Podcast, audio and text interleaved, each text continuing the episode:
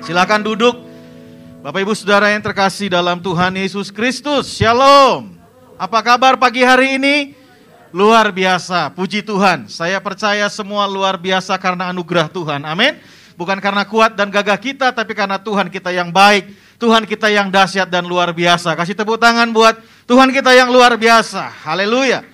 Saudara pagi hari ini saya rindu untuk kita sama-sama buka firman Tuhan. Yesaya pasalnya yang ke-40. Kita akan lihat sama-sama Yesaya pasal yang ke-40 ayatnya yang ke-31. Yesaya pasal yang ke-40 ayatnya yang ke-31 yang kita akan sama-sama baca dan pelajari pada hari ini.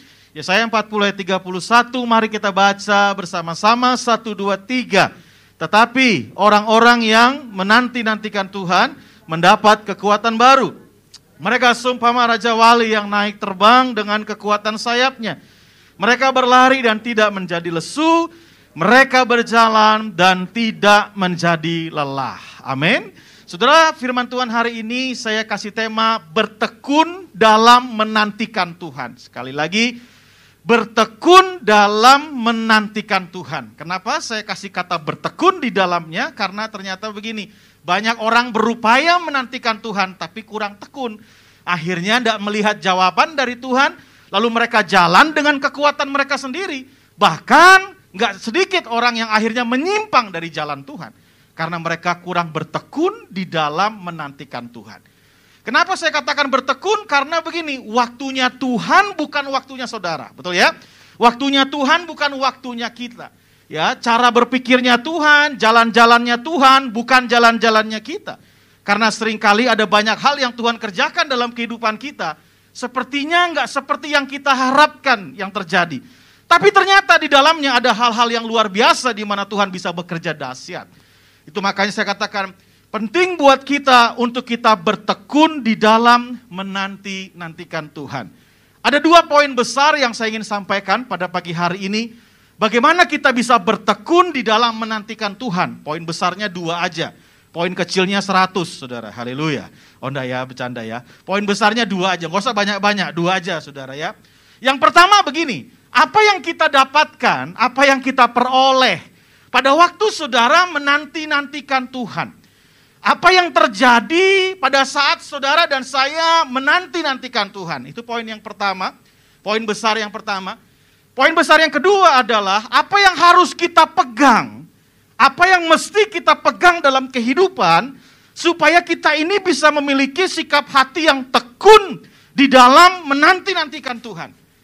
Ya, jadi apa yang kita terima, apa yang terjadi dalam hidup kita dan apa yang mesti kita pegang dalam kehidupan kita supaya kita bisa terus tekun dalam menantikan Tuhan. Menantikan Tuhan di sini bukan berarti saudara pasif, diam, bengong gitu ya. Eh, bengong-bengong aja bukan tapi menantikan Tuhan di sini adalah saudara memiliki sikap hati yang terbuka terhadap Tuhan. Saudara memiliki harapan dan percaya bahwa Tuhan pasti memberi yang terbaik dalam kehidupan kita. Yang mengerti katakan amin. Yang percaya katakan amin. Kasih tepuk tangan dulu buat Tuhan. Haleluya ya. Saudara punya sikap hati yang demikian. Hati saudara terbuka, hati saudara percaya bahwa Tuhan pasti memberikan yang terbaik dalam kehidupan kita. Bukan pasif ya, bukan diam-diam aja, bengong-bengong aja, bukan. Tapi hati kita terbuka. Terbuka terhadap tuntunan Tuhan, terbuka terhadap arahan Tuhan, terbuka terhadap firman Tuhan. Nah inilah sikap hati yang menanti-nantikan Tuhan. Berdasarkan Yesaya 40 ayat 31 saya melihat ada hal yang luar biasa terjadi. Karena di situ dikatakan demikian. Tetapi orang-orang yang menanti-nantikan Tuhan mendapat kekuatan yang baru. Bilang sama saya mendapat, satu, dua, tiga, mendapat. Kata mendapat, saya pernah baca-baca artikel tuh artinya begini. Terjadi pertukaran kekuatan. Tuhan memberikan kekuatannya kepada saudara dan saya. Mungkin bahasa sekarang yang lebih dikenal Tuhan sepertinya begini. Tuhan injeksikan, Tuhan kasih, Tuhan berikan kekuatannya kepada saudara dan saya. Sehingga saudara nggak lagi berjalan dengan kekuatan saudara, saudara berjalan dengan kekuatan Tuhan. Sekali waktu kira-kira gini gambarannya. Saya pernah cerita sama istri saya, saya ngobrol-ngobrol sama dia dalam sebuah perjalanan. Lalu saya berpikir begini, coba ya kita mundur ke belakang, lalu kita lihat apa yang pernah terjadi dalam kehidupan kita, persoalan, beban, tekanan dalam kehidupan yang pernah kami alami begitu berat terjadi, dan puji Tuhan lolos, saudara. Dan waktu kita waktu kita lihat ke belakang, lalu muncul kalimat ini, aduh, rasanya kalau mundur ke belakang lagi kayaknya nggak kuat deh. Ngerti ya? Kayaknya nggak kuat deh, kayaknya nggak bisa. Kok kita bisa lolos ya? Ah, kok bisa kuat ya? Tanpa disadari sebenarnya ketika saudara ada dalam tekanan, ada dalam beban berat, kalau saudara memiliki sikap hati yang menanti-nantikan Tuhan, kekuatan Tuhan itu yang menyertai saudara, kekuatan Tuhan itu yang ada dalam diri saudara, sehingga hari ini saudara boleh ada. Yang mengerti katakan amin. Rasanya mungkin kalau kita mundur ke belakang, saya sering kali berpikir kayaknya nggak kuat ya. Tapi kok dulu kuat ya? Apa yang bikin kuat? Eh, saudara saya mau kasih tahu, Tuhan telah memberikan kekuatannya buat saudara dan saya. Amin. Tuhan telah memberikan kekuatannya buat kita. Saudara mungkin hari ini coba ambil waktu, kan sekarang sudah di penghujung tahun 2021. Mundur deh ke belakang. Waktu awal-awal pandemi, pergumulannya saudara, tangisnya saudara, air matanya saudara, gelisahnya saudara, keraguannya saudara, nggak bisa tidurnya saudara karena mikirin banyak hal. Lalu hari ini saudara pikir, mundur ke belakang, lalu berkata begini, kok dulu saya bisa lewatin ya? Padahal gini loh, kalau kita pikirin sekarang serem banget rasanya. Tapi kok bisa ya sekarang kita lewatin? Saya mau kasih tahu, itu karena Tuhan memberikan kekuatannya buat kita. Tepuk tangan buat Tuhan kita, haleluya. Nah saudara, waktu Tuhan memberikan kekuatannya, apa yang terjadi, apa yang kita dapatkan dalam kehidupan kita. Alkitab bilang begini, mereka seumpama Raja Wali yang naik terbang.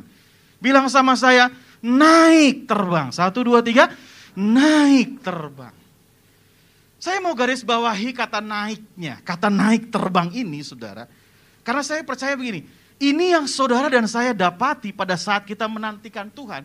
Yaitu yang pertama adalah ini. Saudara akan memiliki sudut pandang yang berbeda.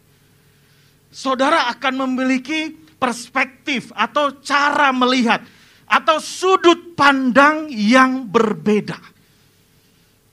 Kenapa? Karena begini. Mereka seumpama raja wali yang naik terbang.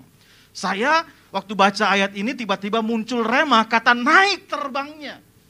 Artinya begini saudara, waktu posisi kita berubah, sudut pandang kita pasti berubah.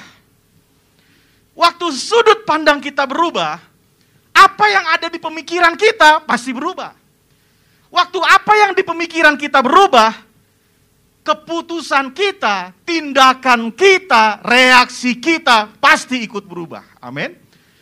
Tadi waktu kita memuji Tuhan, pemimpin pujian meminta kita bangkit berdiri. Saya sama saudara ada di floor atau ada di lantai yang sama. Waktu kita sama-sama bangkit berdiri, saya melihat ke belakang.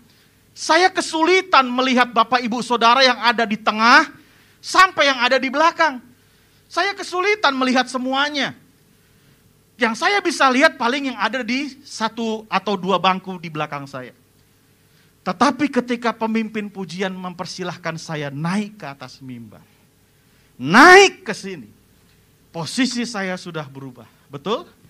Posisi saya nggak sama lagi. Saya nggak sama lagi dengan posisi yang ada di situ.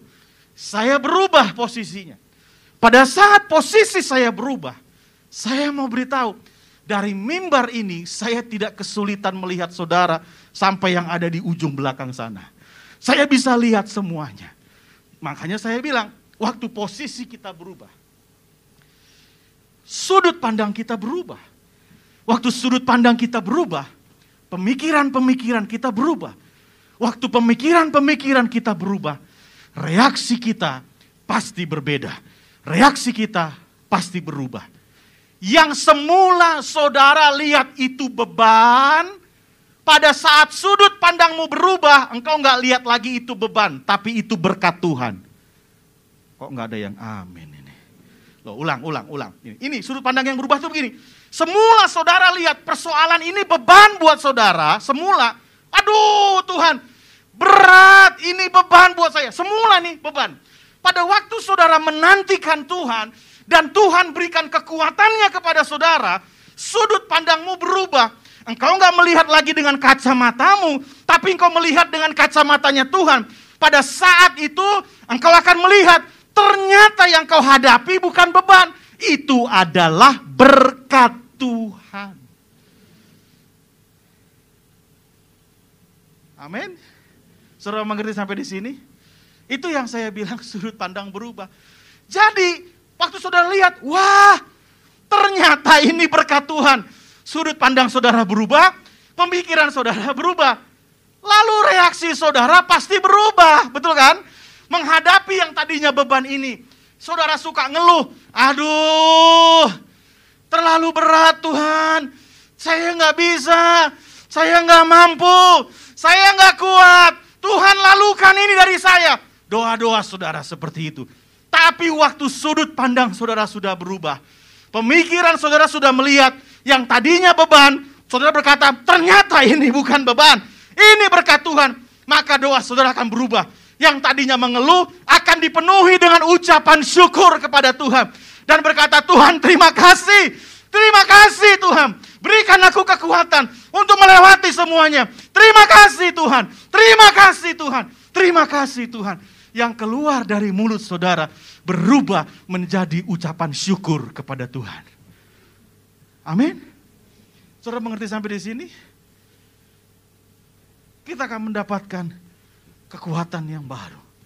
Orang yang menerima kekuatan yang baru, sudut pandangnya akan berubah dalam melihat persoalan, dalam melihat situasi, dalam melihat kondisi.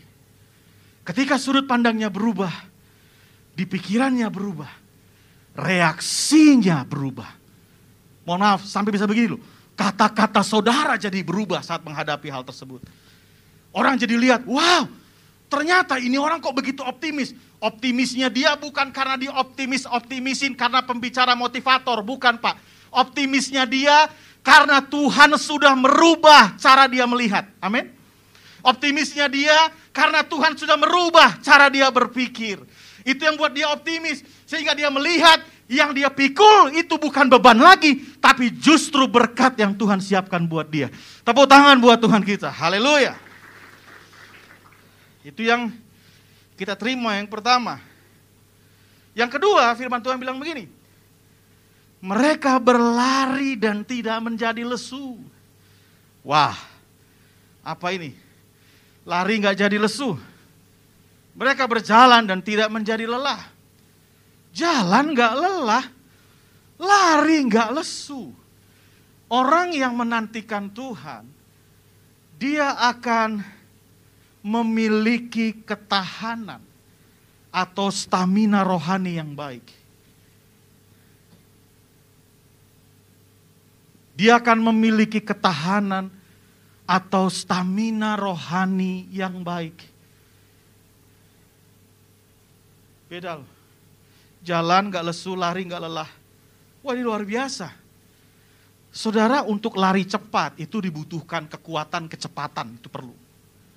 Tapi untuk lari maraton, saudara bukan kecepatan, tapi apa? Stamina yang baik. Ketahanan yang baik itu yang saudara butuhkan untuk saudara sampai di garis finish. Nah, hari ini saudara nggak sedang berlari cepat. Kita sepertinya dibawa lari maraton, betul ya saudara ya? Nggak tahu kapan kelarnya ini pandemi, nggak tahu kapan selesainya ini persoalan. Tapi kita terus berlari. Kita seperti dibawa lari maraton. Kita nggak tahu kapan selesainya. Tapi satu hal yang saya rindukan adalah saudara dan saya tetap ada di jalan Tuhan. Sekalipun ini begitu panjang. Di sisi yang lain saya melihat ada banyak orang yang mulai meninggalkan Tuhan. Menyangkali imannya. Nggak mau lagi datang misalnya beribadah yang tadinya melayani. Nggak mau lagi melayani karena kecewa dan lain sebagainya. Tetapi saya melihat orang-orang yang menantikan Tuhan. Apa pun posisinya, apa pun persoalan yang dia alami, dia tetap terus ada di dalam jalan Tuhan. Dia terus, terus kokoh. Dia tetap terus kuat, dia ada dalam jalan-jalan Tuhan dalam kehidupannya. Saya percaya ini kekuatan yang Tuhan berikan. Itu yang tadi saya cerita buat kita. Rasanya nggak mungkin kita bisa melintasi. Tapi kalau sampai bisa kita lewati. Terima karena anugerah dan kekuatan yang Tuhan berikan buat kita. Amin. Orang yang menantikan Tuhan, stamina rohaninya baik. Kuat sekali. Bisa berjalan, berlari, dia it's okay. Dia mengerjakan hal yang luar biasa. Lalu dari ayat ini juga saya menemukan begini, bahwa orang yang menantikan Tuhan, itu hatinya fleksibel, saudara. Maksudnya begini, jalan oke, okay, lari oke. Okay. Nah itu. Banyak orang jalan oke, okay, tapi lari nggak oke. Okay. Banyak orang juga lari oke, jalan nggak oke. Maksudnya gimana Pak? Gini, ilustrasi yang sederhana. Hari-hari ini kalau saya ngomong sama para bisnismen, mereka berkata, aduh pak, sekarang lagi slow nih. Ah, artinya jalan apa lari? Jalan. Lagi apa? Slow pak. Yang lalu bisa balik modal mungkin dalam 10 eh, bulan atau setahun. Sekarang slow banget pak. Susah balik modalnya. Nah, orang yang menantikan Tuhan, mau cepat balik modal, mau slow balik modal, oke. Okay. Kelihatan wajahnya nggak suka lihat saya. Amin.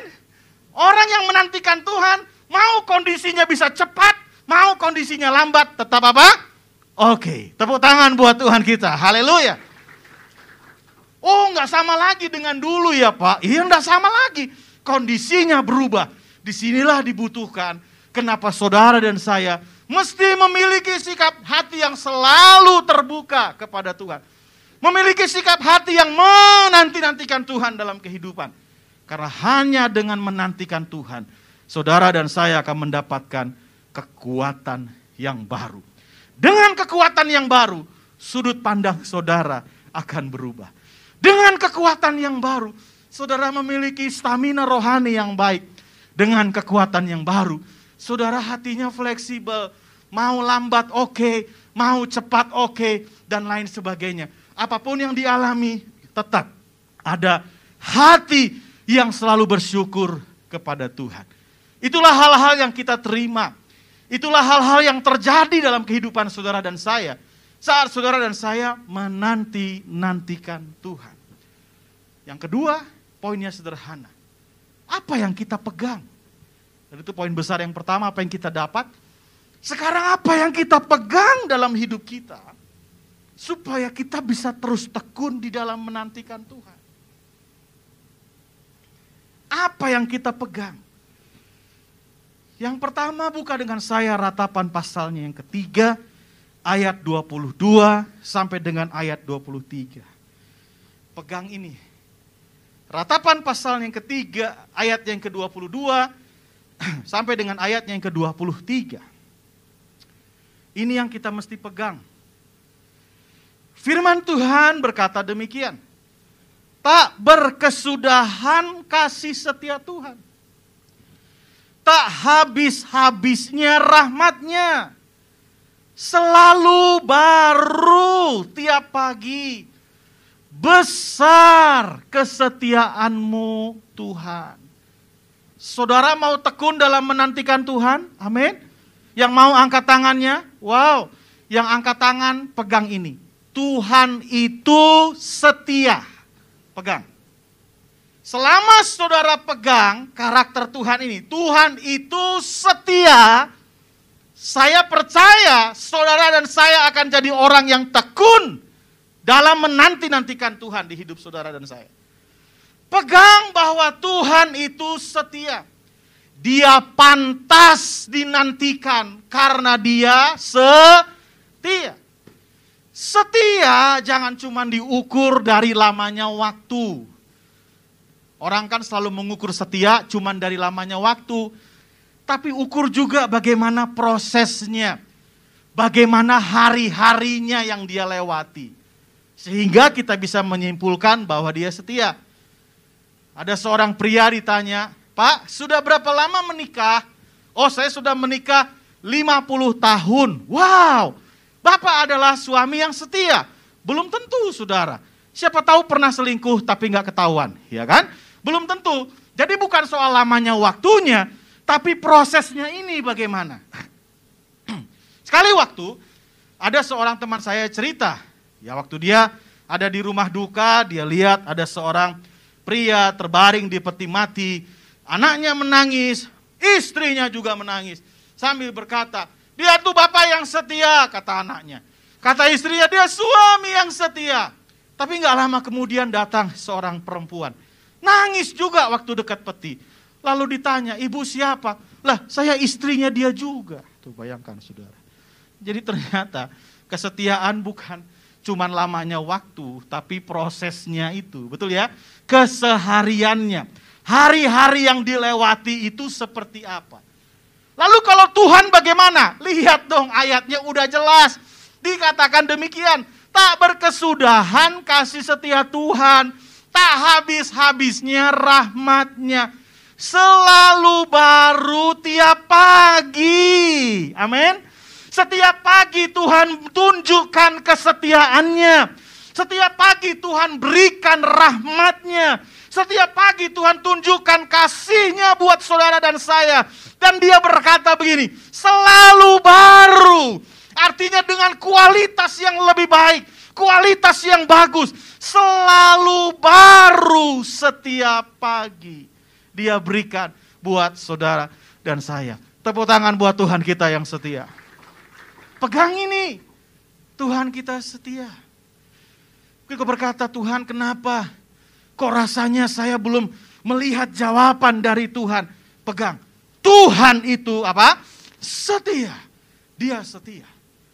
Yang kedua, buka dengan saya masih dalam ratapan pasal yang ketiga, sekarang ayat yang ke-24. Apa yang saudara dan saya harus pegang? Ratapan 3 24, firman Tuhan berkata demikian. Tuhan adalah bagianku, kata jiwaku. Oleh sebab itu aku berharap kepadanya. Yang kedua ini yang saudara pegang, Tuhan adalah bagianku. Bilang sama saya, Tuhan bagianku. Satu, dua, tiga. Tuhan bagianku. Maksudnya gimana Pak Ade? Sederhana. Saya sama istri saya, istri saya itu bagian dari hidup saya. Demikian sebaliknya, saya juga bagian daripada kehidupan istri saya. Maka ada masa di mana ketika istri saya misalnya sedih, saya juga berpikir, aduh dia sedih. Kenapa dia sedih? Saya juga ikut merasakan sesuatu. Karena apa? Bagian. Waktu istri saya misalnya harus berpergian uh, jauh, naik travel misalnya, naik bus misalnya, atau naik pesawat misalnya. Saya selalu berkata, Tuhan tolong, tibakan dia dengan selamat sampai di tujuan. Jangan terjadi apa-apa dalam perjalanan. Ada ada kegelisahan, ada kekhawatiran sehingga saya menyerahkan perjalanannya supaya Tuhan melindungi dan menyertainya. Kenapa? Karena dia apa? Bagian apa yang saya rasakan, dia ikut merasakannya. Apa yang dia rasakan, saya ikut merasakannya. Makanya saya percaya di tengah kesukaran, kesedihan, tekanan, ketidakmampuan, ketidakberdayaan dalam kehidupan saudara, percayalah Tuhan mengetahui, Tuhan merasakan apa yang saudara dan saya rasakan. Dia patut dinantikan. Karena kita bagian. Karena dia bagian kita. Tapi jangan egois. Saudara juga bagian dari Tuhan. Makanya ada masa begini. Kita lagi enak-enak ketawa, tiba-tiba lihat orang, terus muncul belas kasihan. Uh, itu artinya Tuhan taruh belas kasihannya buat saudara. Amin. Sebagai perabot-perabot Tuhan untuk maksud yang mulia, saudara harus mengerti akan hal ini. Bahwa Tuhan memang bagian kita. Tapi dengar, saya mau kasih tahu, saudara juga bagian dari Tuhan untuk menggenapi rencananya di muka bumi ini. Amin. Ada masa di mana kita tiba-tiba, hei lihat orang, aduh Tuhan taruh belas kasihannya. Tuhan berikan belas kasihannya buat kita. Ah, kita harus bertindak, kita harus mewujudkan kasih Tuhan kepada orang tersebut. Itu makanya firman Tuhan berkata dalam Yohanes pasalnya yang kelima ayat ketujuh dikatakan, Jikalau kamu tinggal di dalam aku dan firmanku tinggal di dalam kamu.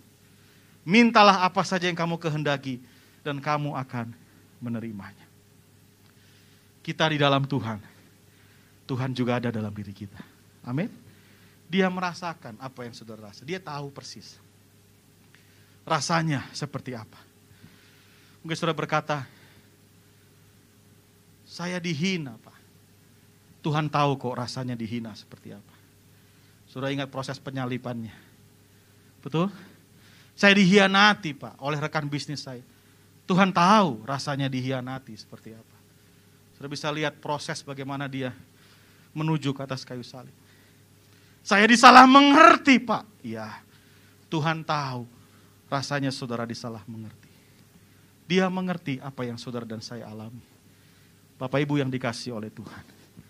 Dia pantas dinantikan. Karena dia bagian dari hidup kita. Amin. Nantikanlah Tuhan. Pegang itu. Dia setia. Dia bagian dalam hidupku. Ratapan 3 ayat 25. Ini bagian yang ketiga. Ratapan 3 ayat 25. Ratapan 3 ayat 25. Firman Tuhan bilang begini. Tuhan adalah baik bagi orang yang berharap kepadanya bagi jiwa yang mencari dia.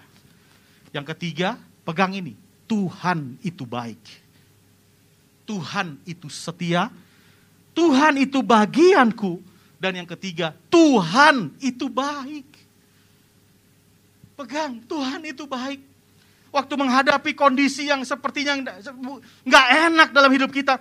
Pegang begini, Tuhan baik. Pasti ada kebaikan di dalamnya. Pegang, Tuhan itu baik. Karena dia baik, dia nggak mungkin kasih yang nggak baik. Betul saudara? Makanya Roma 8 ayat 8 berkata, kita tahu sekarang bahwa Allah turut bekerja dalam segala sesuatu untuk mendatangkan kebaikan bagi mereka yang mengasihi dia, yaitu bagi mereka yang terpanggil sesuai dengan rencana Allah. Allah turut bekerja dalam mendatangkan kebaikan buat saudara dan saya. Makanya orang bisa mereka-rekakan yang jahat buat kita, karena dia Allah yang baik. Yang jahat itu bisa berubah jadi kebaikan buat kita. Amin. Itu dia. Makanya pegang bahwa Tuhan kita itu baik. Dia baik. Mungkin saya berkata, kalau dia baik, kenapa ini terjadi? Ya itu kan maunya kamu, ukuran baikannya saudara. Saudara dikasih saudara sakit, dikasih obat yang pahit. Pahit, enggak enak. Ya iya, tapi itu obat untuk menyembuhkan saudara. Demikian juga dengan Tuhan.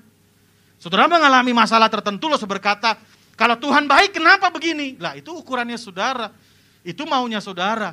Tapi percayalah di dalamnya pasti ada kebaikan Tuhan. Amin. Sering kali orang berkata, Pak, Tuhan masih pegang kendali nggak sama situasi sekarang? Saya bilang masih. Lalu mereka berkata, kalau Tuhan masih pegang kendali, kenapa ini terjadi? Kenapa begini? Kenapa ini? Kalau semua terjadi sesuai dengan maumu, bukan Tuhan yang pegang kendali, kamu yang pegang kendali. Tapi justru karena yang terjadi tidak sesuai dengan apa yang kita pikirkan, justru di situlah kekayaan hikmat Tuhan dinyatakan. Amin. Justru di situlah kekayaan karya Tuhan dinyatakan. Karena apa yang terjadi sering kali di luar daripada akal dan pemikiran daripada manusia.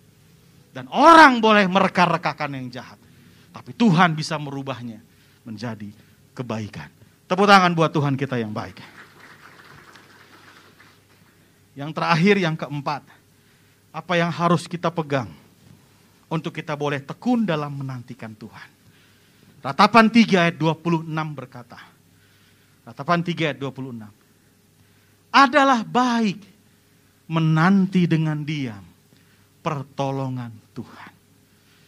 Yang keempat, Tuhan pasti memberikan pertolongan buat saudara. Tuhan itu pertolongan kita. Dia pasti memberikan. Dia senang menolong saudara dan saya. Dia pasti memberikan pertolongan buat setiap kita. Amin saudara. Dia pantas dinantikan. Jangan ragu dalam menantikan Tuhan. Jangan ragu dalam menanti-nantikan yang terbaik yang Tuhan berikan dalam kehidupan kita. Apa pun situasi dan kondisi yang saudara dan saya alami. Pegang empat hal ini. Waktu engkau goyah, bilang Tuhan itu baik. Tuhan itu setia. Tuhan itu bagian dari hidup kita. Tuhan itu bagianku. Tuhan adalah pertolongan kita. Dia akan memberikan pertolongan buat saudara dan saya. Saya percaya waktu kita pegang ini, Tuhan kita jadi pribadi-pribadi yang tekun di dalam menanti-nantikan Tuhan. Selamat menanti-nantikan Tuhan dan dapatkan yang terbaik yang Tuhan berikan dalam kehidupan saudara. Tuhan Yesus memberkati saudara berlimpah-limpah. Haleluya. Mari bangkit berdiri bersama-sama.